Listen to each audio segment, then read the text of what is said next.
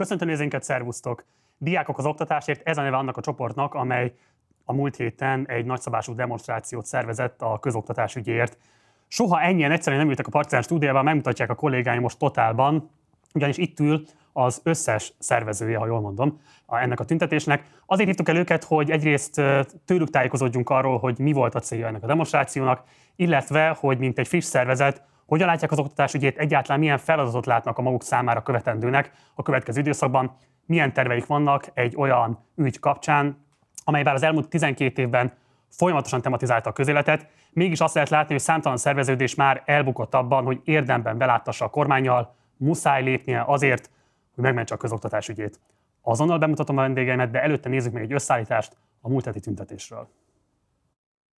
Egy nap alatt tanévkezdés után tüntetést hirdetett a Diákok a Tanárokért mozgalom. Hát én azért jöttem, hogy legyen matek tanár, meg legyen, nem tudom, kémia tanár, meg fizika tanár, meg hogy így a tanárainknak legyen kedvük bejönni. Szabadország, szabad oktatás! Szabadország, szabad oktatás! A tét tehát a jövő. Egy buta országot könnyű befolyásolni. Akarjuk mi ezt? Becsüljétek meg Én tanár vagyok, most végeztem, de már két éve tanítok. A gyakorlatom során én 110 ezer forintot kaptam havonta, akkor csak 5 órám volt, most van körülbelül 28, és 160 ezeret kapok. Bármi jöjjön és el, legyen szabad a grúj. És folytatjuk, folytatjuk is a téma kitárgyalását a stúdióban, vendégemet akkor be is mutatnám egymás után. Itt van velünk Mihalics Lili, 12. évfolyamos, Csibrán Barna, 10. évfolyamos, Strüka Anna, 12. évfolyamos, Kranyik Tünde, 12. évfolyamos, Gajzágó József, szintén 12. évfolyamos, és Franta Ákos, szintén 12. évfolyamos. Sziasztok, nagyon köszönöm, hogy elfogadtátok a meghívást, és hogy lehetővé tettétek, hogy így együtt kérdezzel benneteket. Hello! Köszönjük a meghívást, szia! Menjünk egy kört először, jó? Tehát a legelső kérdésem az hozzátok, hogy miért éreztétek azt, hogy egy új szervezetet kell létrehozni az oktatás ügyének a képviseletébe, és mi volt a problémátok az oktatással kapcsolatban, miatt azt éreztétek, hogy nektek demonstrációt kell szerveznetek, és rosszul mondtam, nem az oktatásért, hanem kifejezetten a tanárokért. Elsőként Vivi. Igen, szóval ez úgy ö, alakult, hogy Józsi volt az, aki nézte az interneten. Fel kérlek, csak hogy a nézők lássák. Igen. Józsi. Szóval Józsi volt az, aki először megkeresett engem és még néhány iskolatársunkat, hogy, hogy sztrájkolni fognak a tanárok, és hogy valamit kellene csinálni. És ebben teljesen egyetértettünk, hogy igen kell, és minél több lélekszámmal kell ezt megtenni, és egy összefogással. Ez az összefogás ez azóta is nagyon fontos nekünk, és uh, igazából azért nem csatlakoztunk valaki máshoz, mert igazából senki nem kezdeményezett szolidaritást. Ugye mindketten a Szent István gimnáziumból vagytok, hogyha jól mondom. Igen. De ez egy iskolákon átívelő együttműködés. Úgyhogy akkor menjünk is tovább Barnával, mert te a Kodály Zoltán énekzeni általános iskolából és gimnáziumból érkeztél. Hogyan csatlakoztál be ebbe a kezdeményezésbe? Így van. Én úgy csatlakoztam ebbe a szervezetbe, hogy én később csatlakoztam, szerintem közülünk a legkésőbb. Hallottam már a márciusi tüntetésről, én is ott voltam, nem úgy, mint szervező, hanem mint tüntető diák, és én is egyetértettem a mozgalom gondolataival, és egy ismerősömön keresztül mondtam neki, hogy nagyon sok személyes tapasztalatom volt fiatal tanárokkal, akik nagyon elégedetlenek a munkájukkal, és a fizetésükkel, és az oktatás jövőjével, és nagyon személyesnek éreztem, hogy nekem itt a helyem, ezért megkerestem őket, és így csatlakoztam közéjük. Anna, te ugye az Ötvös József gimnáziumból érkeztél. Igen, és én eredetileg valamennyire egy ottani pozíció miatt csatlakoztam, tehát ugye e, legelőször ezt diák önkormányzatok között kezdtük el szervezni, és az ötvösnek én vagyok most már valószínűleg a második éve a parlamenti elnöke, és ezért, mint a diák önkormányzat képviselője jelentem meg az első, azt hiszem január végi, vagy február végi meetingen, Azóta ezt elhagytuk, ezt a diák önkormányzatok közötti működést, de én, én emiatt kerültem bele, és ennek ellenére nagyon személyesnek éreztem azt is, hogy nekem ott a helyem, mert um, én négy évet töltöttem magánoktatásban és alternatív oktatásban is, és akkor emiatt nagyon sok kontrasztot láttam a között, hogy, hogy tényleg mit, mit élünk át a közoktatásban, amellett, hogy persze ezekben az úgynevezett elit gimnáziumokban azért nekünk még relatív jó helyünk van, de ezekben is ugyanúgy tapasztaljuk a tanárhiányt, vagy a, az elfogadhatatlan követeléseket, tantervi követeléseket, és még jó sok mindent tudnánk sorolni. Köszönöm szépen. Egy gyors kérdés mindenkinek, az ki az, aki diák önkormányzati tag közületek? Majdnem mindenki. Jó. Hát, Itt lemondóban, vagy? Nem, nálunk nem működik a Nem rendszer. működik, aha. Tehát akkor ezért kezdeményeztétek gyakorlatilag, mert nem volt diák önkormányzat, ami Igen. szervezte volna ezt. Tünde. Szintén hogyan került Igen. Be? Mert ugye te meg a Vörös Martin Mihály gimnáziumban érkeztél, nálatok volt egy virasztás is. Nálunk is volt, igen. Erről is mesélhetnél kicsit. Jó, hát én is így csatlakoztam nálunk, iskolai diákbizottságnak hívják a dököt, és én annak vagyok a, az egyik választmányi tagja. Az egész iskola választja, ezért így mondom.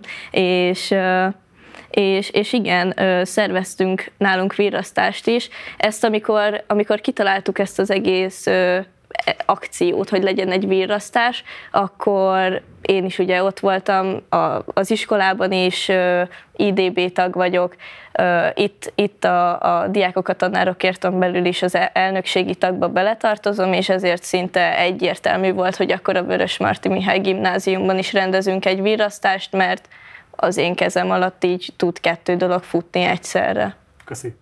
József, ugye akkor te már mondtam, hogy a Szent István gimnáziumból érkeztél. Mivel tudod kiegészíteni Lilinek a, elmond, az, a Lili által elmondottakat? Igen, annyival, hogy ugye említetted ezt, hogy miért hoztunk létre egy új szervezetet. Eleinte nem az volt a cél, hogy egy új szervezet legyen, csak a tüntetést március 16-ára úgy szerveztük meg, hogy diák önkormányzatok legyenek. És, és ezt a tüntetés után kivártunk, hogy történik-e valamilyen változás az oktatásban, és akkor, mivel láttuk, hogy nem, nem fog történni, ezért, ezért határoztuk el azt, hogy, hogy csináljunk akkor valamit, és akkor ebből mentünk át abba, hogy akkor folytatjuk. Ebből alakult a szeptember másodikai tüntetés és a negyedikei virasztás, ahol, ami ugye volt a Vörösmartiban, a Szent Istvánban, a Kodályban és az Óbudai gimnáziumban is. Szuper. Ákos, te a Betlen Gábor általános iskolás gimnáziumból érkeztél. Hogyan csatlakoztál be a kezdeményezésbe? Én Barnához hasonlóan a márciusi tüntetés utáni napokban, bár ö, én már írtam Lilinek előtte, de ilyen adminisztrációs problémák miatt később kerültem be a csoportba, szóval technikailag a többiekkel csak a tüntetés után találkoztam, és azóta szerves tagja vagyok a, hát nem is szervezetnek, ennek a csoportulásnak. Ugye részben közhelyszerű a kérdés, hogy mi a baj az oktatással, mert hogy tényleg napestig lehetne mondani. De közben mégis fontos kérdés, mert hogy ahogy a bevezetőben mondtam, nagyon sok kezdeményezés indult már el az elmúlt 12 évben. Voltak a kockás tüntetések, a kockás inges tüntetések, ugye felteszem, hogy ez a jel is, ami rajtatok van, ez részben ezzel szimpatizál. Említettétek azt, hogy a túlterheltség a probléma, a tanárok alacsony fizetése a probléma, de mi az a legfontosabb probléma szerintetek, amivel most azonnal foglalkoznia kellene a kormányzatnak? Mondjuk azt, hogy foglalkozzon vele. Tehát, hogy az, hogy van, mennek a sztrájk tárgyalások, és érdemben nem jutunk sehova, azzal az oktatás helyzete nem fog seho, sem előrébb jutni, sem csak, igazából csak hátrébb. Tehát, hogy még azt se lehet mondani, hogy marad úgy, ahogy van, mert közben megjön egy gazdasági válság, és igenis azoknak a tanároknak, akik jelenleg a pályán vannak, azoknak lehetséges, hogy el, fog, el kell hagyniuk. Hm. Igen, hát ezzel tudom kiegészíteni, hogy, hogy a bérkérdés az, az nagyon fontos, hiszen most oké, okay, nyugdíjba mennek tanárok, ez is egy drasztikus szám, viszont nagyon sokan azért hagyják el a pályát, mert nincsen megfelelő fizetésük, és ez általában a fiatal tanárokra vonatkozik. Úgyhogy mindenképpen azt kéne megoldani, hogy, hogy motiválja valami, valami azokat a tanárokat, akik elhagyják fiatalabbként, hogy, hogy itt maradjanak, mert, mert így fenntarthatatlan az oktatás, de emellett csak arra gondolok, hogy eszköz, eszközhiány. Tehát csak a WC papír a legkisebb probléma is, ami minden diákot tanárt érint. Vagy az, hogy iskolákban leomlik a plafon, vagy folyamatosan beázik, és ezeket nem, nem oldják meg éveken keresztül. Tehát ez, ezek mindenképpen megoldandó problémák. Ti diákoként azt, hogy a tanárok alul fizetettek, és moti- adott esetben motiválatlanok is, ezt érzékelitek, és igen, akkor ez miben jelenik meg a hétköznapokban az iskola falain belül? Nekem rengeteg fiatal tanárom van, és azt látom rajtuk, hogy ahogy kikerülnek az egyetemről, ugye a motiváció dúl bennük, és meg akarják változtatni a világot, és ez egy nagyon jó man, tanári mentalitás, hiszen ők nevelik a következő generációt. És ahogy megérkeznek ezekbe az intézményekbe, és látják a helyzetet, felfogják, hogy hó végén milyen számot kapnak a bankszámlájukra, e, e, ezzel a helyzettel nem lehet motiváltan tanítani. Ők, nekik nem az a problémájuk, hogy, hogy tanítani kell, és hogy a diákokkal foglalkozni, hiszen ők azért választották ezt a pályát, hogy, hogy e, ez, ez, ez nem is egy pálya, inkább ez egy, ez egy, egy, egy olyan eszme, ami, a- ami pár emberben benne van, hogy változtatni kell, és ilyen körülmények között nem lehet. Bárki más? Én még azzal egészíteném ki, hogy én is hasonlóan állok, a mi ta- tantestületünk is elég fiatal, nagyon sok lelkes tanár, és a többiek is mind lelkesek, de mikor nézem beszélgetek velük, azt tapasztalom, hogy már, már azon gondolkoznak, hogy akkor tényleg akkor holnap felállok, mert megint volt egy, egy nagy demonstráció, említették a tárgyalásokat, és nem haladunk előre. És egyszerűen akármennyire is ezt a szakmát választották, ezt a hivatást, el kell gondolkozni, hogy, hogy felálljanak-e vagy sem. Tünde? Most idén először tapasztaltam ez elmúlt napokban azt, hogy, hogy, hogy a mi iskolánkból is elment egy tanár, aki e, konkrétan a bér miatt, hogy családot szeretne alapítani, és így nem tud. Emellett a, a, az egyik tanárom bejelentette, hogy valószínűleg idén ö, el fog menni, hogyha talál egy ö, jobb ajánlatot. Öm, ugye polgári engedetlenséggel kezdték nálunk az évet, ami miatt már rögtön mm, hiányzások, mármint helyettesítések kellettek, hogy legyen, és ezt is szervezni kellett, azért nehezen indul meg ez a tanév, az érződik az iskolákban szerintem. Ugye valaki utalt is arra, hogy nem feltétlenül volt eredmény a tüntetéseknek, mások meg amellett érvelnek, hogy azzal, hogy az új kormányban Pintér Sándorhoz került át az oktatás, ugye, hát legalábbis egy erős jelzés arra, hogy megértették azt, hogy itt rendetlenség van, és majd rendet fognak tenni. Érzékeltetek-e bármi mást abból, hogy fenntartóváltás volt ilyen szempontból, tehát most már a belügyminisztériumhoz tartozik az oktatás, ugye, akár nem tudom én, megkeresés érkezett hozzátok valamelyik államtitkárságtól, vagy magától a belügyminisztertől, akár bármilyen más formában jelezték azt, hogy hallják a szavatokat, fontosnak tartják, akarnak tárgyalni, akarnak hallani rólatok. Röviden nem, nem érkezett ilyen, és változást se érzik. semmi?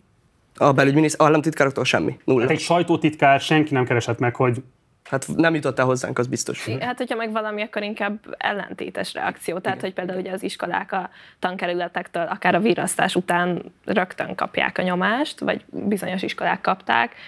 Um, tehát nem, én nem azt gondolom, hogy nem tudják, hogy mi van, de hogy, hogy egy ilyen direkt uh, reakciót, azt arra én, én nem igazán számítok, hogy mi kapnánk.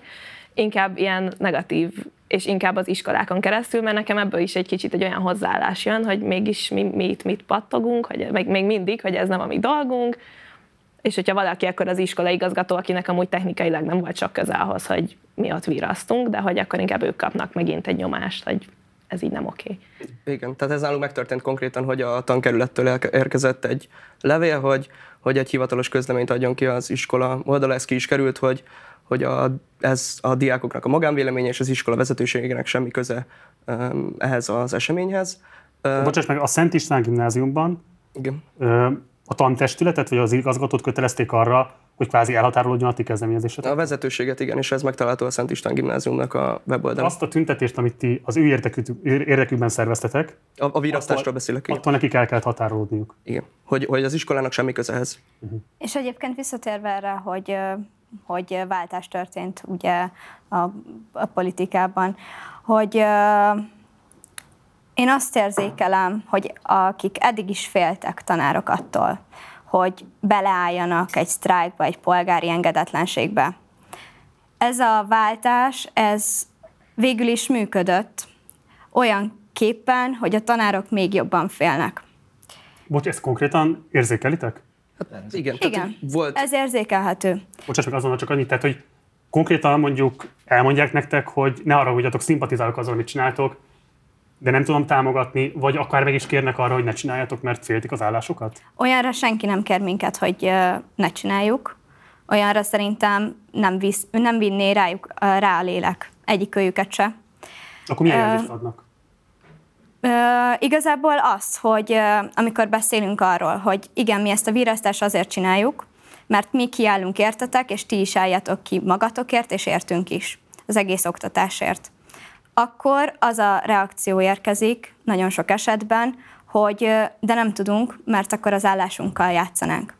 Én erről azt gondolom, hogy ez a fajta félelem leginkább a fejekben van benn. Ez a fajta félelem addig, ameddig összefogás van, ameddig a tanárok közösen, és ezen kívül a diákokkal és a szülőkkel, akik nagyon-nagyon mellettük állnak és szolidarítanak, velük, amíg közösen lépnek fel, addig ez a fajta félelem csak a fejekben létezik, és ezt meg kell szüntetni, és ki kell állni magunkért. A megfélemlítéshez még annyit tudok mondani, hogy hát a tanévkezdés előtt láthattuk a Maruzsa Zoltánnak a levelét, ahol befenyíti konkrétan a tanárokat, hogy rossz példát mutatnak a diákokkal ezzel a fajta polgári engedetlenséggel és sztrájkolással, és ez teljes nonsens. Hát ha már fölhoztad az államtitkár úrnak a nevét, akkor kérdezzelek titeket erről, mert nyilván sejtem a véleményeteket, de mégis mondjátok el, rossz a példa, amit mutattok a diáktársaitoknak. Hát szerintem éppen, hogy az ellenkezője. Most az, az ha jól, jól emlékszem, az a levél az elsősorban a tanárokra irányult, de most akár értelmezhetjük magunkra is, de szerintem a tanárainktól is, hogyha az a példa, hogy, hogy egy olyan magatartásra tanítanak minket, ahol, ahol támogatják azt, hogy álljunk ki magunkért, és gondolkodjunk kritikusan azokról a szituációkról, amikben vagyunk, azokban a, azokról a rendszerekről, amikben élünk, az az, az, az egyik legjobb példa, amit, amit szerintem meg lehet tanítani, és amit meg kell tanítani, hogyha az iskolának az a, az a szerepe, hogy felkészítsen minket az életre, és illetve én azt gondolom, hogy a diáktársainknak is mi ezzel a magatartással ugyancsak egy jó példát mutatunk, és nekem eddig ez, ez is volt a visszajelzés más diákoktól is, nem csak feltétlenül a saját barátaimtól, de teljesen ismeretlen diákoktól is, hogy hogy ez egy motiváló erő, hogy, hogy igenis nekünk is van egy szerepünk abban, hogy kiállhatunk magunkért, meg kiállhatunk azért, amit, amit fontosnak tartunk, és hogyha ez néha egy kicsit radikálisabb eszközöket, vagy most mit hívunk radikálisnak, tehát hogyha a tüntetést egy radikálisabb eszköznek hívjuk, vagy a sztrájkot egy radikálisabb eszköznek hívjuk, akkor igen, akkor néha ezekhez kell nyúlni, mert ez maradt. Mi van most az órákon? Hogyan, hogyan zajlik az iskolai élet? Mert ezért fölteszem, ez egy eléggé feszült szituáció. És félreértés nem azért, mert tüntettek, mert virasztotok, hanem azért, mert most nagyon tetten érhetővé vált, hogy hatalmas a probléma. Tehát, hogy ez most már nem kerülgethető, mint ahogy korábban esetleg be lehetett söpörni ideig óráig a szőnyeg alá. Ez most kint van. Nyilván azok a tanárok, akik adott esetben nem szimpatizálnak veletek, vagy esetleg féltenek benneteket, félnek ettől az egész helyzettől, nekik is le kell adniuk az óráikat. Milyen típusú helyzetekkel találkoztok? Hogyan hat ki az az iskola életére? Helyettesítések. Hogyha a mai napon is volt, hogy kerestem, kerestem egy tanárt, ráírtam, mert kellett tőle egy információ, és, és mondta, hogy ma nem, mert ma sztrájkolok. Egyébként ez, ez megmelengette a szívemet, de, de előfordul tényleg az, hogy, hogy emiatt nincsen megtartva az óra, mm, hogyha, hogyha valamelyik tanár ezt, ezt bevállalja. És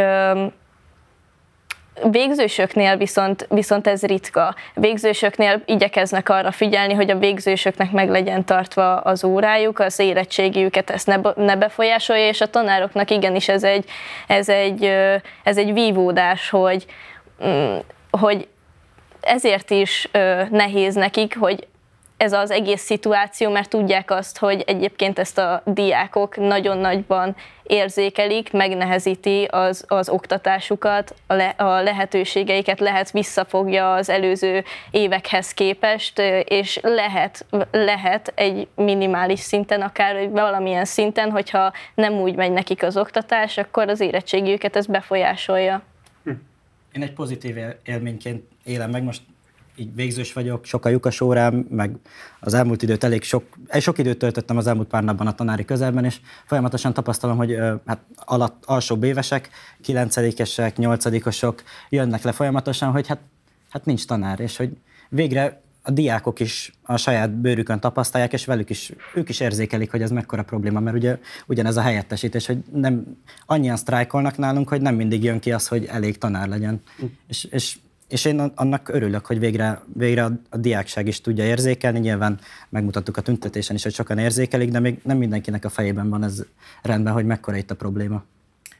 Nálunk ez talán egy picit más, mert amennyire én érzékelem, nálunk most nincsen nagyobb szabású sztrájk, most erre egy csomó egyéni oka lehet a tanároknak, illetve én jövő héten kísérettségizem, tehát nálunk most azért így igen, csak nehéz helyzetbe kerülnénk, hogyha hirtelen elmaradna nagyon sok órám.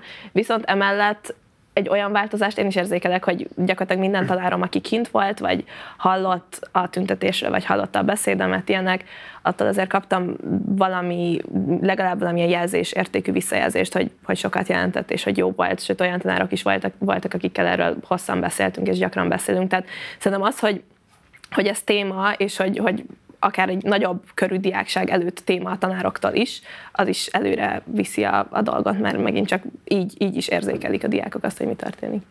Ugye jól számom mindannyian 2010 után kezdtétek el a tanulmányokat a közoktatásban. Igen. Tehát igazából ezt az egész folyamatot végigkövettétek testközelből. Mikor volt az első érzésetek, hogy itt nagy a baj, és nem az a baj, ami általában a közoktatással azért Magyarország most már évtizedes viszonylatban, hogy alulfinanszírozott, túlterheltek a diákok, és itt tovább, és itt tovább, hanem hogy ezen túlmenően is most már kezd egyre elviselhetetlenebbé és kezelhetetlenebbé válni a helyzet. Tehát mikor jött az első vészvillogó? Hát nekem alapból a szocializálódásom így volt. Én vagyok, szerint, nem, nem én vagyok az egyetlen, mindegy. Tehát én, én vidékről jöttem, Etyeki vagyok, és mi már úgy készültünk az iskolára, hogy hatodik után az általános egy elhagyom, és Budapestre bejövök egy hatosztályos gimnáziumba, mivel már a, amikor bejönnek a természettudományos tantárgyok, az, az nem, tehát akkor a tanárhiányban, hogy nem megfelelően tanítható lent vidéken, és, és én már ebben nőttem bele, hogy akkor jó, hat évig itt vagyok, nagyon imádom a, a, a falusi közeget, és hogy abban nőttem bele, és oda köt a szívem, de mégis egy, egy városi életet élek 13 éves korom óta, mert, mert rá vagyok kényszerülve, hogyha rendes rendes oktatást szeretnék kapni. Közvetlenül szerintem azután, hogy eljöttem az általános iskolából, addig, addig ezeket a kockás inges tüntetés 2016-ot, azt így külső szemmel láttam, szüleim követik ezt, bátyám is követi, tehát hogy így ez megvolt. Közvetlenül ez sem teljesen igaz, de miután eljöttem a gimnáziumba, általános iskolából, pont ezután egy évvel ment el a biológia és földrajztanár, mindkettőt ő tanította, helyette az egyik matek tanár ment be, és a könyvből csak felolvasta, amit meg kell tanulni. Tehát így ment ott a földrajz és biológia oktatás. Aztán egy évre rá a kémia tanár is, ő sem, tehát ő sem volt már ott, és akkor helyette egy volt általános iskolai diákot hívtak, aki nem is teljesen kémia tanár, de hogy így lett megoldva, tehát hogy így érzékeltem. Gimnáziumban azért nem, közvetlenül nem. Volt olyan tanár, vagy van olyan szakos tanár, akinek többet kell dolgoznia, mint a 26 óra, de hogy nincs olyan, hogy, hogy most teljes mértékben hiányozna egy, egy óráról a tanár, egy szaktanár. Elsőre azt mondtam volna egyébként, hogy, hogy Covid után, mert szerintem szerencsés helyzetben voltam így ezzel kapcsolatban mindig, viszont most, hogy így gondolkodtam, azt mondanám, hogy hetedik, nyolcadikban, amikor bejöttek a természettudományos tantárgyaink, akkor én egy olyan iskolába jártam, ami egyszerre volt általános és, és külön gimnázium is, és a gimnáziumi tanárok jöttek hozzánk általánosban, és ők, ők tartották nekünk a biológiát és a kémiát, és szerintem azért, mert az általános részben nem volt elég tanár hozzá. Hát nekem akkor ez az mm, tőletek, mint korábban, tehát én második után mentem át magániskolába, alternatív iskolába, ami persze a szüleim döntése volt, de ettől még emlékszem azokra a tapasztalatokra, amik, amik ezt a döntést, amik miatt ez a döntés megszületett. És azok mit voltak? Tehát az, hogy a, a differenciált oktatásra nulla kapacitás van, tehát, és szerintem az, amikor bekerülnek első-másodikba gyerekek, van, aki már olvas, van, aki már ír, van, aki semmi, és hogy ez, ez amúgy tök normális, de hogy a differenciált oktatás itt nagyon-nagyon fontos lenne, hogy mindenkinek az, az igényei, igényeit ki lehessen elégíteni, tehát erre semmi kapacitás, a nyelvoktatásnak a borzasztó állapota, ott, ott szerintem főleg amúgy a nyelvtanárok hiánya is volt, tehát talán most nem ezekből a tanárokból van a legnagyobb hiány, de ott, ott biztos, hogy ez is volt. Um, és, és hát a, a módszereknek az elavultsága, tehát amúgy át, a, amint átkerültem egy alternatív rendszerbe, akkor hirtelen teljesen máshogy tanultam matekot, és akkor az egy ilyen nagyon nagy élmény volt, hogy hát ezt lehet máshogy is, tehát hogy, hogy lehet előre haladni, meg hogy wow, lehet olyan, hogy csoportban tanulunk, együtt dolgozunk, projekteken dolgozunk, tehát hogy ez, ez így nem létezett előtte, úgyhogy nekem szerintem már akkor ez így eljött, ez a, ez a, akkor láttam ezt, hogy lehetne ez máshogy is. Én legelőször szerintem gimnázium elején tapasztaltam, akkor kerültem bele a diák önkormányzatos kérdésbe, és itt láttam azt, amikor a tanáraimmal beszélgettem, ugye nekem egy, egy fokkal közvetlenebb a kapcsolatom a tanáraimmal, és láttam azt, hogy, hogy ugye ők is teljesen le vannak terhelve, és ahogy bemennek az órákra, és amennyi idejük van felkészülni, például a, a fiatalabb tanáraim tényleg két-három óra alvással esnek be iskolába reggel nyolcra, hogy mindent elő tudjanak készíteni. És, és itt, itt, itt láttam azt rajtuk, hogy amit mutatnak órán, próbálják a legjobb formájukat mutatni, és abban a 45 percben kihozni mindenkiből a legtöbbet, viszont e, ezzel a leterheltség mellett egyszerűen nem tudják ezt. És, és sokszor volt emiatt, hogy például lebetegedtek, és így hiányoztak, vagy Vagy például kérték azt, hogy helyettesítő jöjjön be, hiszen ők nem tudják már végigcsinálni, mert, mert ne- nem, képes, nem képesek rá fizikailag. Én a magyar iskolában kezdtem, majd aztán három évet jártam ott, és nekem az osztályfőnököm kiköltözött az egész családjával Brüsszelbe, és ott tanított tovább, mert ott jobban meg tudtak élni. És akkor volt az a szüleim döntése, hogy mivel a nyelvoktatás az nagyon fontos egy gyerek életében, főleg a mai világban, ezért átvittek egy magániskolába, ami egy osztrák iskola és igazából nekem nem volt így egy nagy pillanat, amikor rájöttem, hogy nem jó a rendszer. Már ott abban az iskolában is többször megkérdőjeleztem, hogy az, amit tanulunk, azt mégis miért tanuljuk. Mert nem feltétlen láttam mindig azt, hogy, hogy mi a célja annak. Megtanulok én bármit, csak mondják el, hogy mi a célja, mire fogok én ezzel menni az életben. És aztán nekem volt egy olyan döntésem, hogy én a gimnáziumot azt mégis inkább magyar keretek között szeretném tölteni, és egy magyar rendszerben egy igazából változást szerettem volna. Megbántad? Nem bántam meg. Volt, volt egy megérzésem, hogy jó lesz ez, és nem bántam meg, mert zseniális embereket ismertem meg, és van egy zseniális ügy, egy nagyon szomorú ügy, hogy ezzel az ügyjel nem foglalkoznak. De olyan emberekkel találkoztam, akikben ott van a tűz, hogy kiálljanak ezért az ügyért. Úgyhogy én ebben az iskolában, amiben most járunk, a Szent István gimnáziumban, szerencsére a legjobbakat tapasztaltam, mert hogy nálunk nagyon jól megoldották ahhoz képest, hogy milyen körülmények vannak. A helyettesítést, a szaktanárokat, míg a hugomnak, még a hugom tegnap azzal jött haza, hogy le van sokkolva, mert nincsen informatika tanár, és aki bejött helyettesíteni, az azt mondta, hogy hát ő már elég idős, és ő nem nagyon ért a gépekhez. Addig nekem, addig nekem volt informatika tanárom, biológia tanárom, viszont, viszont szerintem itt a tananyag mennyiséget érzékeltem először a magyar gimnáziumban, hiszen már akár történelem órán, vagy bármi más órán lehet azt folyamatosan hallani a tanároktól is, és mi is érzékeljük, hogy, hogy rendben, hogy meg tudjuk tanulni, mert képesek vagyunk rá, mert, mert ez a helyzet, és meg kell oldani. Viszont az, hogy mennyire mélyül el ez az anyag, akár történelemben, egy bizonyos korszak, mennyire értjük meg azt a korszakot, mennyire tudunk majd abból a korszakból mi olyan élményeket felidézni, amiket aztán a saját életünkbe át tudunk majd tehát, hogy a saját életünkben is tudjuk alkalmazni, semennyire. Azért, mert nincs rá idő. Ugye sem az ország, sem a közoktatási rendszerünk nem arról ismerszik, hogy ilyen kiérlelten demokratikus karakter legyen, hogy finoman fogalmazzak. Um, ezért kérdezem azt, hogy egy ilyen nagyon radikálisan demokratikus, a magyar viszonyok között radikálisan demokratikus föllépés, amit ti képviseltek, az iskolán belül szüle ellenérzést, akár diáktársaitok körében, akár tanárok körében. Igen, szerintem én a beszédem végén meg is említettem a tüntetésen, hogy, hogy mennyire elszomorító az a tény, hogy egy, egy tanár itt ez a kérdéskör meg tud osztani. Tehát ha, ha nem is azért nem tudom, szerintem lehet, hogy én csak azért érzékelem, mert közelebbi kapcsolatot ápolok a tanáraimmal, de szerintem diákok részéről érzékelhető az, hogy a tanárok között van egy feszültség. Van, aki ugye egyetért a sztrájkolással, van, aki nem most, hogyha én nagyon egyszerűen akarok fogalmazni, és, és ez, ez felfoghatatlan számomra. A diákok között ö, egyetértést látok én magam körül. Bárki más? Én még tennék hozzá, igen. Mert az, hogy megosztja a tanárit, ez nem feltétlen azért van, mert, mert nem egyezik abban a véleményük, hogy ebben a rendszerben probléma van, és ebben a rendszerben változás kell. Itt inkább arról van szó, hogy ki hogyan állna mellé, vagy ki állna ki érte, és ki az, aki tovább akarna tűrni, és cipelni azt a terhet, amit ráaggat az oktatás. Én, én a diák részéhez annyit tennék hozzá, hogy még a márciusi tüntetés előtt hozzám olyan kérdések érkeztek, hogy jó, oké, akkor ez most egy ilyen ellenzéki tüntetés, vagy ott ugye azért a választások előtt főleg, hogy most akkor ez kihez tartozik, meg ilyenek.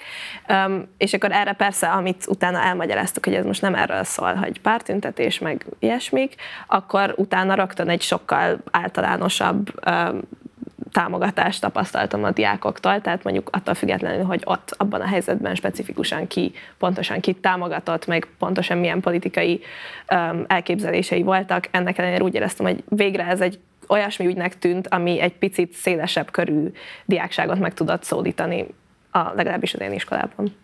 Hát, hogyha a tanáraitokat vagy a diáktársaitokat olyan élesen nem is osztotta meg, azért a kormányzat retorikájáról ez nem mondható, hogy ne kellett volna ki élesen ellenetek, vagy általában mindenki ellen, aki a közoktatás ügyét az ászlajára tűzte az elmúlt években. Nézzük meg most erről egy rövid összeállítást, és aztán beszélgessünk arról, hogy mit gondoltok ezekről a megszólalásokról. Egyre több tanár tiltakozik kockás ingel az iskolákban. Ezt a volt felsőoktatási államtitkár Klinkhammer István nyilatkozata indította el. Szerinte a pedagógusok idézem kócos, borostás, kockás inges megjelenése nem jó példát mutat a diákoknak. Ezzel az eseménnyel szeretnénk tudni és tudatni. Hát arra kéne, hogy elemezze ezt a mondatot. Mi alanyállítmány, mi a tárgya ennek a mondatnak? Tehát... Köszönöm szépen a felhívást azonban előtte inkább reflektálnék az úrnak a megjegyzéseire. Megkérném, hogy válaszoljon a kérdésemre. Lesz, lesz arra mód. Tehát itt van ez a válasz, hogy ezzel az eseménnyel szeretnénk tudni és tudatni. Ez mit jelent? No, hát akkor kedves Blanka, az a helyzet, hogy te nem hős vagy, hanem egy szerencsétlen, nyomorult, ócska kis proli. És hogyha így folytatod, akkor belőled nem hős lesz, hanem maradsz egy szerencsétlen, nyomorult, rohadt kis proli. Bevallom őszintén nem tárgyaltunk erről a e, nagy lehetőségről, hogy e, diákokkal vitatkozzunk. A diákok elégedetlensége, még ha akceptálható is, még ha nagyon sok értelmes felvetés, támogatandó e, megoldási javaslat van, akkor sem tudja az ember elvonatkoztatni, hogy a tüntetésre mikor került sor, és adott a háttérből kik szervezték. A választási kampányba a diákokat utcára vinni, azoknak is felelőssége, akik ezt megszervezték. Nem a sztrájknak van itt az ideje, az, hogy ezt minden eh, médiában, szakszervezetektől kapott biztatás ellenére a tanárok 87%-a így gondolja, eh, azt eh, hálásan köszönjük a kormány részéről. No, hát mit gondoltuk az elhangzott mondatokról? Volt minden, mint a vegyes felvágottban. Ki szólal meg elsőként? Um. Jó, akkor én, én kezdem. Már így gondolkoztam rajta, hogy remélem nem kell nekünk itt mondatot elemezni, úgyhogy szerencsére még nem kellett.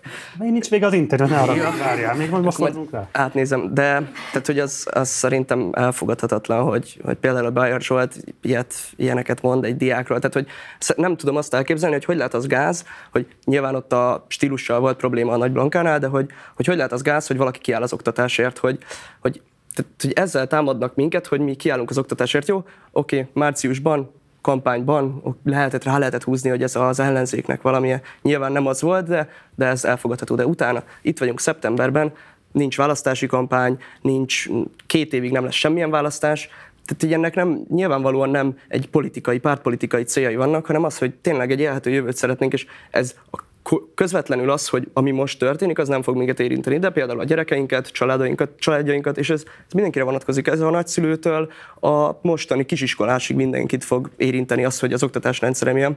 Úgyhogy igen, azért most is, az elmúlt időszakban is megoszló volt a, a kormánypárt részéről a nyilatkozatoknak a, erre-arra mm, mondatai, nem tudom, hogy kezdtem a mondatot, mindegy, szóval, hogy, hogy szerintem ez ez tök lényeges, hogy ők is látják valószínűleg a saját köreikben, hogy, hogy nem tudják, hogy kéne kezelni, hogy ezt most, hogy most mit kéne mondani, ezért is van ez a kommunikációban, bár itt azért a legtöbb bejátszás, az, vagy a legtöbb bevágás az, az régebbi felvétel volt, de, de ettől függetlenül mm, nem tudom, tehát ez szerintem elfogadhatatlan, hogy, hogy az gáz ma Magyarországon, hogy valaki kiáll az oktatásért, bármelyik oldaltól függetlenül. Tehát ez le, jöhet ide a kormánypárti politikus is, hogyha, hogyha ő úgy gondolja, hogy fontos az oktatásnak az ügye.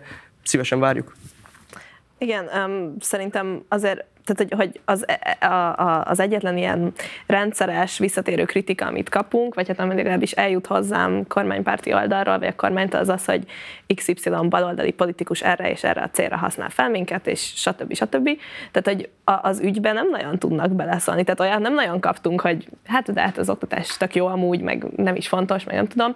Tehát, hogy, hogy ezt szajkozzák újra és újra, és hát már évekkel ezelőtt is, is ezt szajkozzák. Amúgy én azt már megkaptam, hogy én vagyok a következő Nagy Blanka, Um, tehát persze nem kéne a Facebook komment, szekciókat olvasni, de hát um, jönnek érdekes reakciók, um, de hogy a, ami most oké, okay, hogy akár néha bántó is lehet, de most ezt szerintem egész jól tudjuk már kezelni, az, az alaptalán. Tényleg?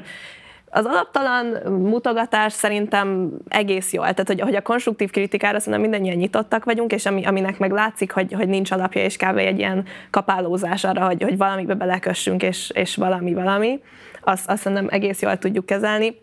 És az, hogy, hogy, hogy valódi kritika nem nagyon érkezik, az valamilyen szinten nekem még pozitív is, mert, mert tehát, hogy ez, ebben én már tényleg nem, nem látok alapot, hogy elmondtuk nagyon sokszor, hogy semmelyik baloldali politikus nem áll mögöttünk, és, és továbbra is ez jön. Tehát, hogy ezzel nem tudunk mit csinálni. És, és, és arra, amiről meg beszélünk, arra meg továbbra sincs válasz semmilyen irányba. Én azzal egészíteném ki, hogy minden politikus életében, minden ember életében volt pedagógus, aki végigvitte, és a, a, ő miattuk lett az, aki ma. És hogy ebbe belekötni, hogy, hogy erre, erre a fontos célra ne, ne támogassuk, és hogy ne fordítsunk pénzt, és hogy, hogy, hogy tudatlanul szitkozódunk az interneten diákoknak, akik nem politikusok, mi nem politikusok vagyunk, mi kiállunk egy célért, mert azt szeretnénk, hogyha a mi gyerekeink Magyarországon közoktatásban lesznek, akkor egy olyan oktatást kapjanak, amiből egy olyan emberek lesznek, akik szebbé tudják varázsolni a jövőt. És hogy a diákokat támadni ezzel szerintem nonsens. Nekünk, nekünk nem ez a célunk. Mi, mi nem mi nem azt, mi nem azt akarjuk, hogy, hogy, hogy, hogy más, hogy, hogy, hogy mi, mi támogatunk valakit, aki majd megmondja a tutit, mi meg csak itt vagyunk a hadserege. Mi egy szebb jövőt szeretnénk. Ugye tapasztalatból is mondom, ez a négy év, amiben az ember a középiskolai tanulmányait eltölti, ez az egyik legfontosabb. Nyilván nagyon fontos az óvodás, tehát az óvodapedagógia, hogy az is a korai fejlesztés és itt van, de ez a négy év, ez a, ez a kiteljesedés, a, a, a társadalmi öntudatra ébredés, a közösségben való hely keresése, elfogadása, nem tudom én, tehát egy nagyon-nagyon fontos időszak. És az, hogy nektek ebben az időszakban tanárhiányjal, eszközhiányjal, a tanárok elégedetlenségével, stb. kell folyamatosan szembesülnötök, szóval ezért ez felveti azt a kérdést, hogy hogy hol van az a társadalom, ami kikövetelte volna azt, hogy nektek olyan közoktatásotok legyen, amiben ténylegesen azzal foglalkoztok, hogy tudást szereztek, szocializálótok és így tovább. Tehát, hogy azokkal a nagyon fontos dolgokkal, amikkel kell ennyi idősen. Nyilván az is fontos, amit most csináltok, és ennek is van nyilván valamilyen edukatív ereje, sőt, talán erősebb is, mint amit a közoktatás tud jelenleg biztosítani. De, de a kérdésem alapvetően mégiscsak így szól. A ti megítélésetek szerint a magyar állam, a magyar kormány cserve hagyott-e benneteket? Én úgy érzem, igen. Szerintem igen.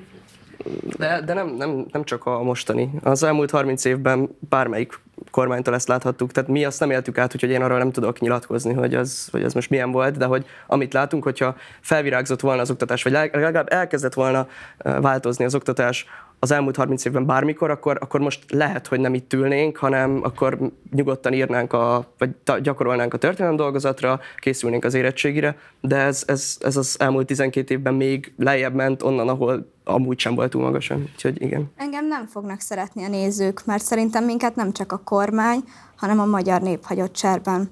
Egy mert ebből, igen, mert ebből a társadalomból én azt érzem, hogy kettő dolog nagyon hiányzik. Egy a szolidaritás, kettő pedig a kitartás. Ez az, ami eddig nem volt meg, és most mi felnőttünk ahhoz, hogy végre mi követeljük ki a saját oktatásunkat és a saját jövőnket. Ami már nem a miénk lesz. Mert mi már addigra elmegyünk ebből a közoktatásból. Hanem, hanem a, hát igen, az ország jövője ez. A gyermekeinké majd, ha úgy adódik. Úgyhogy itt az idő szerintem, hogy a kanapé huszárok végre felálljanak, és az általunk megszervezett tüntetésekre vagy megmozdulásokra kiöljenek, és lehet engem nem szeretni, de akkor is az a véleményem, hogy igenis, az, hogy mi kiállunk, az egy dolog, és nagyon jól teszi, aki rajtunk kívül még szintén kiáll, viszont aki csak otthon mondja, hogy igen, ez egy fontos ügy, de nem tesz érte semmit, annak azt mondom, hogy igenis, álljon ki önmagáért. Kiváló gondolat. Um, hogyan tud kiállni mellettetek? Tehát igazából mi a következő lépés? Mivel készültök? Most mit lehet tudni? Mit lehet elmondani? A következő lépés egyelőre még nem publikus, de mindenféleképpen lesz. lesz. Igen, én nem szoktam hazudni, nem szoktam olyan dolgokat mondani, ami utána nem fog megvalósulni. Én a színpadon a tüntetésen azt mondtam, hogy folytatjuk. Úgyhogy ez mindenféleképpen így lesz. Lesznek olyan akciók kisebbek és nagyobbak, amikhez lehet csatlakozni illetve hogyha megkeresi valaki a Facebook vagy Instagram oldalunkat, a médiák a tanárok néven fut, akkor ott lehet akár támogatói tagnak jelentkezni, akár pedig rendes tagnak. Rendes tagnak a diákokat várjuk elsősorban, viszont támogatói tag is azt mutatja, hogy mennyi-mennyi ember áll az ügyünk mellett, és azoknak mindenféleképpen el fogjuk juttatni azokat az információkat, amikkel minket segíteni tudnak. Ugye valamelyikötök utalt rá, te voltál, Anna, hogy elitiskolából érkeztetek mindannyian, és hogy fölveti ugye ezt a kérdést, ezt többen is tematizálták a tüntetés kapcsán is, hogy hát ugye pont a legszegényebb, pont a legkiszolgáltatottabb iskolák tanulói azok, akik a legnagyobbat szívnak ezzel az egész rendszerrel, de hát nyilván ők azok, akik a legkevésbé képesek saját magukat megszervezni, mert nincs annyi kulturális tőkéjük, nincsenek olyan, nincs olyan networkük, nincsen hozzáférésük egy csomó mindenhez, amihez nektek hozzáférésetek van. Hogy látjátok, mi kellene ahhoz, hogy ez egy tényleg szélesebb körű, országos diák, tanár, nép demonstrációvá tudjon válni. Tehát mi kellene ahhoz, hogy ez tömegesedjen, és azok is be tudjanak vonódni, akik még nálatok is sokkal nagyobb kárvalótja ennek az egész történetnek, de jelenleg nincsenek abban a helyzetben, hogy felszólaljanak. Most először nem megoldással szolgálnék, de szerintem nem feltétlenül az a probléma, már hogy ez nyilván probléma, nem tudják megszervezni magukat, tény, de nem is biztos, hogy tisztában vannak azzal a helyzettel, hogy ez milyen szar, amiben ők benne vannak. Tehát, hogy ott van lent vidéken, ezt kapja, tehát nincs előtte egy példa, mint előttünk itt a nagyváros közelében, meg vonzás körzetében, hogy mi a jó, meg tehát egyszerűen szerintem nem, azért, azért nem lehetséges egyelőre ez a, ez a széles körű nem tudom, elterjesztése az ügyünknek vidéken, menjünk le vidékre, legjobb, legjobb jelmondat minden kampányban, mert egyszerűen ők nem tudják, hogy nekik milyen rossz. Hát igen, szerintem azért ez egy ilyen eléggé általános probléma bármilyen ilyesmi mozgalomnál, hogy a vidék elérése rendesen, most gondoljunk akár a választás eredményeire, vagy általában az ilyesmi mozgalmaknak az elérésére, de szerintem ez egy olyan dolog, amin hónapok óta gondolkozunk és próbálunk dolgozni. Tehát, hogy ez, ennek nagyon is tudatában vagyunk, hogy ameddig ez egy ilyen budapesti buborékban, vagy egy Budapest plusz agglomeráció buborékban működik, addig nem elég. Um, és, és hát igen, a menjünk le vidékre, az most limitált effektivitással működik, de azért szerintem próbálkoztunk, most nem tudok pontos számot mondani, de vannak több nagyobb vidéki városból, vidéki központokból kontaktok, um, volt tervben oda is virasztás, Uh, lett is Szegeden? Igen, nem. Nem lett. Szerintem nem lett, tervben volt, most ez nem jelenti azt, hogy a jövőben ott nem lesznek dolgok, de hát szerintem például a nyomtas teissel az, az együttműködés, az is ezt próbálja előre elősegíteni, hogy jutassuk el minél több emberhez az információt. Tehát minél, több, minél nagyobb hangunk van, minél többet tudjuk terjeszteni azt, hogy, hogy miről van szó. E, e, tehát ebben egyetértek az Ákossal, hogy először először rá kell jönniük az embereknek, hogy mi a baj, és utána lehet arról gondolkozni, hogy ők hogyan tudnak kiállni. Aztán a ti kritikát, bocsáss, mond. Még annyit akartam hozzáfűzni, hogy nehéz nekünk is, hiába próbálkozunk, nehéz elérni a vidéket, mert nekik nincs meg az a iskolán belüli struktúra, hogy legyen rendesen mm, minden iskolában ugyanígy dökelnök, ami meg van választva, akikhez tudunk fordulni, akiket fel tudunk talál, meg tudunk találni interneten keresztül, elérhetőséggel akár, és ez, ez nagyban nehezíti, viszont próbálkozunk olyan akciókat kitalálni, amikhez bátran csatlakozhatnak ők is. Picit csak hadd vitatkozzak veled, azért minden megyei jogú városban vannak nagyon nagy presztízsű gimnáziumok, Pécsett, a Lővei, most mondhatnék még többet is. Velük mert nyilván nem a kisfalusi iskolák azok, amelyek elsődlegesen a forradalmi szubjektum szerepét be tudják tölteni, mert nyilván őrájuk is szükség van, és nekik is jó lenne, hogyha hallanánk a hangjukat egyáltalán, hogyha föl tudnánk mérni azt, hogy egyetlen hányan tanulnak ott, de hogy ezekkel a gimnáziumokkal és ezekkel az oktatási intézményekkel van-e kapcsolat? El, elkezdtük felvenni a kapcsolatot, de én sokszor hallom azt, hogy ez a generáció, ez mennyire az internet világában él, és mennyire online, és hogy majd átmegyünk online-ra, és mindenki csak online találkozik, meg hasonló. Szóval amíg ezek a találkozók, amikor után felvettük a kapcsolatot a diákokkal, ténylegesen online történnek, vagy akár messengeren írunk nekik, és megbeszél, megbeszéljük a dolgokat, addig nem alakul ki egy olyan kötődés, egy olyan bizalom, hogy aztán az tényleg effektíven működjen. Ezért nehezíti ez nagyon meg, hiszen ahhoz, hogy elérjünk embereket, ahhoz ott kell lenni. Bárki más? Igen, tehát annyit mondanék, hoz, tennék hozzá még, amit a Tünde is mondott, hogy nem feltétlenül a, a, azt mondjuk, hogy ott kevésbé van kiépítve akár a diák önkormányzati rendszer, mert azért én azt gondolom, hogy ezekben a nagyobb nevű intézményekben, nagyobb városokban hasonlóan működik, akár együttműködés az iskolák között is, de azért a kontaktok megtalálása nagy részben a saját ismeretségi körünkön keresztül működik, mert nincsen, nincsen egy adatbázis, nincsen egy bármilyen összekötő rendszer, tehát hogyha nincsen oda kontakt, konkrét ismerettség, akkor az azért egy kicsit nehezebb. És nálatok mi van? Tehát, hogyha jól nézem, akkor az Ákos leszámítva mindannyian elnökségi tagok vagytok. Jól mondom? Igen. Um, ez mit jelent? Tehát milyen gyakran üléseztek, hogy hoztok döntéseket, hogyan működtök? Igazából ez az elnökség ez azért alakult még nyár előtt, mert együtt maradt a csoport, és a csoport szeretett volna valamit tenni, és folytatni a dolgot, amit elkezdtünk, kiállni az oktatásért. Viszont a nyári szünet az egy nagyon kritikus pont az összes diáknál és az összes ö, diákcsoportnál, hiszen akkor mindenki szépen szétszéled, valaki ekkor ér rá, valaki akkor, és ö, akár nem vagyunk itt testben sem a városban.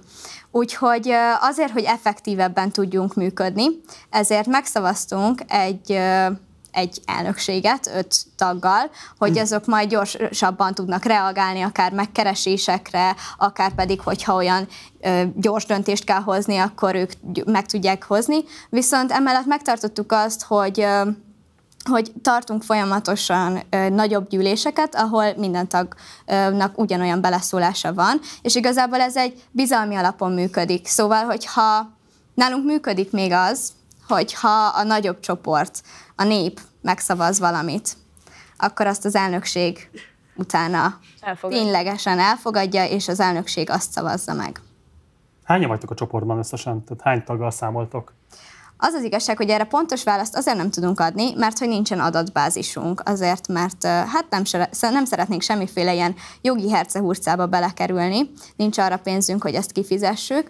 Fértek attól, hogy Péter Fiatilla becsapna rátok adatvédelmi biztosként? Teljesen mindegy, kicsap ránk, le ránk, nem szeretnénk, ez a, az én füzetemben van valamennyire vezetve.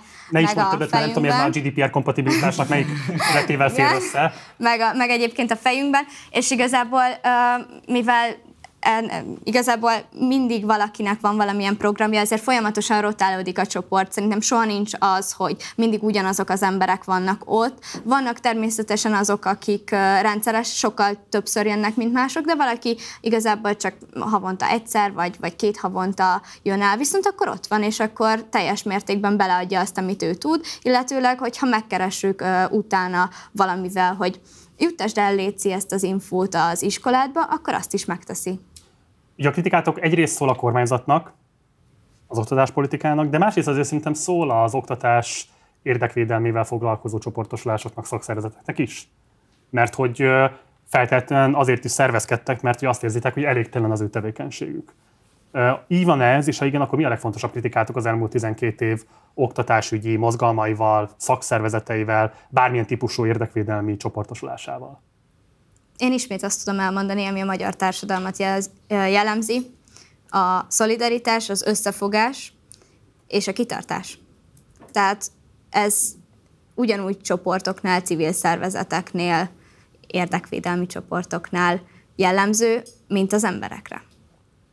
Én annyival kiegészítem, hogy, hogy talán a szakszervezeteket, tehát konkrétan nem tudom, nem merném azt mondani, hogy nem mondanám azt, hogy ez az ő hibájuk, mert ők főleg most a tavaly a nyár óta azért látszódik, amit átéltünk, hogy ők mindent megtesznek. Igazából a tagjaik azok, akik, akik bár benne vannak a PDS-ben és a PS-ben, a két legnagyobb pedagógus szakszervezetben, de, de nem, még őket se lehet igazán aktivizálni, és pedig láttuk, vagy belelátunk valamennyire, hogy ők mennyire keményen próbálkoznak, egyszerűen nem, nem tud átmenni még köztük se az, hogy, hogy igenis álljanak ki legalább egy napra. És ha beszélgettek mondjuk a szakszervezet vezetőkkel, akkor mit mondnak, hogy miért? Tehát ha azt mondod, hogy maga a vezetőség egyébként agilis és proaktív, akkor miért van az, hogy a tagság, mi a magyarázat, hogy a tagság miért inaktív? Félnek. Igen. Nem, minden benne van. A magyar társadalom miért nem mozgósítható? Ugyanaz a kérdéskör. Hm. De ez a félelem, még egyszer elmondanám, hogy szerintem sokkal inkább van a fejekben. Mert hogyha logikusan belegondolunk, hogy ha egyszerre áll fel minden tanár, egyszerre sztrájkol minden tanár, akkor nem lehet mindenkit kirúgni. Egyébként meg, hogyha valakit kirúgnak, most inkább a nagyvárosokról beszélnék, akkor konkrétan a következő sarkon találna egy másik állást. Hát akkor? Igazából kiegészítem. Tehát nem kell mindegyik tanárnak felállni. Ha minden iskolából tíz tanár feláll, nem tudnák kirúgni őket. Míg tíz tanár eltűnik minden iskolában, nem, tud, nem erre mi a tudják válasz? A pótolni. tanárok közé- közelében vagytok, miért nem tudják akkor ezt ők belátni például? Hát ez egy nagyon jó kérdés, még nem kaptunk rá választ. De nem is kell minden iskolában tíz tanár. Most volt a vérasztás, több hely között járkáltam, és egy tíz éve ö, pálya elhagyó tanárral beszélgettem, informatika matek szakos, és ő azt mondta nekem, hogy tanártársadalom, miért nem csinálják azt, hogy az összes infószakos feláll, mivel ők könnyen találnak állást. Nincs infotanár, oktatás bedől. Egyébként mondják, hogy, hogy nekik a megélhetésük, és ebben teljesen igazuk van, én ezt teljes mértékben megértem, hogy a megélhetésük múl- múlik az állásukon. Én ezt megértem, de nem értem. Azért nem értem, mert amíg ők kockáztatnak, mi is kockáztatunk. Csak lehet, hogy ez annyira nem nyilvánvaló. Mert most például el fogunk menni előrehozott érettségit tenni, és mi van akkor, hogyha éppen az a tanár felismer minket, már mondjuk akár a partizánba vagy valahol látott minket, és, és nem, egy, nem egyezik a véleménye. Akár az az igazság, hogy Magyarországon jegyeket kapunk, tehát hogy nem is az van, hogy most 88%-on van, vagy 89%-on van, hanem az van, hogy négyesen vagy ötösön van. És az egy felvételinél egyáltalán ö, még a százalék se, de semmi. Tehát, hogy egyszerűen nagyon fontos minden egyes pont. Akkor mi úgy menjünk oda, hogy, hogy félünk attól, meg kockáztatjuk azt, hogy esetleg a jövőnk az, az nem olyan lesz, mint amilyen lehetne akkor, hogyha nem állunk fel. Mi ugyanezt kockáztatjuk, mi a jövőnket kockáztatjuk, akkor szerintem igenis meg lehet azt tenni, hogy valaki a jelenét kockáztatja. Majdnem tökéletes zárószó egyébként, de azért egy zárókört csináljunk még, mert érdekelne az, hogy hát ha jól számolom, akkor igazából nektek döntő többségeteknek ez az utolsó tanéve. Ha cinikus vagyok, akkor szólhat úgyis az oktatási kormányzatnak az érvelés, hogy hát ezt a 90 hónapot már kibekkeljük, aztán úgyis elmentek az életbe. Mit fog titeket érdekelni a közoktatás ugye a továbbiakban? Egyrészt mit mondtok, meddig akarjátok csinálni, és igazából mi a cél? Tehát nem tudom én, 50%-os azonnali béremelés a tanároknak? Óraszám csökkentés? Nem tudom. Mondjátok meg, hogy ti szerintetek mi az a követelés, amit magatok elé tűztetek ki célul, és a másik akkor még egyszer, meddig kívánjátok folytatni, és most menjünk Ákostól Lili felé. Oké, okay. nekünk nem követeléseink vannak, mi ezt az egészet azért csináljuk, amit már Lili nagyon sokszor kiemelt, ugye a félelmet, hogy a tanárok felálljanak. Tehát mi őket szeretnénk biztatni, mi értünk, értük állunk ki, mi miattuk szolidaritunk. Tehát ahogy a bejátszóban is volt, a, a Gulyás említette a 87%-os ö, szá- tehát annyian nem csatlakoztak a sztrájkhoz, mondjuk én ezt 80-ra becsültem, mindegy, nem, nem tudom a pontos számokat, tehát nagyon nagy szám nem csatlakozik, és szerintem nekünk a fő célunk az, hogy, hogy hát, hogy bátorítsuk a tanárainkat. Hát, az, hát a Lili előző, előző zárószava nagyon Nem nektek kell megvalósítani, hanem nektek azt kell biztosítani, hogy a tanárokban meglegyen a kellő bátorság és akaraterő? Igen. József. Hát igazából én, én csak ugyanazt tudom elmondani, az, Ák- mint az Ákos, hogy, hogy biztosuk a tanárokat, hogy álljanak ki magukért, hogy sztrájkoljanak, hogyha konkrét dolgokat kell mondani, akkor pedig ott van négy pontunk megoldást a tanárhiányra. Tehát mi problémákat mutatunk a kormányzat felé, hogy mi az, amiket mi elvárnánk, hogy megoldják. De nem, mi nem tudjuk, mi nem értünk hozzá, hogy, hogy ezt hogy oldják meg, vagy milyen módon oldják meg. Úgyhogy, úgyhogy mi ezt, ezt rájuk hagyjuk, vagy a hozzáértőkre. Mondd el a másik három pontot is, melyet most elmondtál még. Igen, a mm, megoldást a tanárhiányra, tanulható és tanítható mennyiségű és minőségű tananyagot, élhető körülményeket az iskolába, és az utolsó pontot tűnde, akkor fejezd be nyugodtan. Élhetőbb körülményeket az Figyelmet, Figyelmet. Igen, hát jó, hát a figyelem benne van az első háromban. Van, aki itt Igen. végig kell mondani. Figyelem az oktatásra. Igen. Igen. Öm, hogy ne ismételjem meg az előttem lévő két úri embert, még hozzátennék egy, igen, mert nekünk nincs egyébként tényleg egy ilyen exakt célunk, csak hogy biztassunk, szerintem is, én is így gondolom. Viszont ebben a biztatásban, támogatásban szerintem az is benne van, most például a tüntetésnél megmutattuk, hogy igenis több mint 8000, nem, nincsen pontos, pontos adatunk arról, hogy hány, hány ember jelent meg akkor a tüntetésen, annyit tudunk, hogy több mint 8000, és, és ezt látták a tanárok, hogy több mint 8000 felelős állampolgár, amit mi próbáltunk kiemelni, hogy bárki csatlakozhat felelős állampolgárként, támogatja őket. És kaptunk utána visszajelzéseket, és volt, hogy később később az este folyamán össze, összefutottunk egy tanárral, aki soha nem láttunk előtte, és, és elmondta, hogy ő is ott volt a tüntetésen, és, és hogy ő tanár több mint húsz éve, és soha nem érezte azt, hogy, hogy ennyire kiáll érte bárki, hogy ennyire támogatja, és, és, és ö, személyesen, personálisan ez, hogy, hogy ilyen, ilyen minőségű támogatást is tudunk adni. Szerintem ez is nagyban hozzájárul a, ahhoz, hogy, hogy ezt elősegítsük. Igen, igazából szerintem jól összefoglalták a többiek, és én még talán annyit tennék hozzá, hogy igen, hogy most nincsenek konkrét követelések, és szerintem ez nem is a mi dolgunk, hogy, hogy, hogy megoldást egy kész megoldást letegyünk az asztalra, nem vagyunk oktatásügyi szakértők, ezt emberek sok-sok évig tanulják, illetve ez egy most tehát egy olyan sok éve gördülő, olyan komplex probléma, amire most így nem lesz egyik napra a másikra megoldás.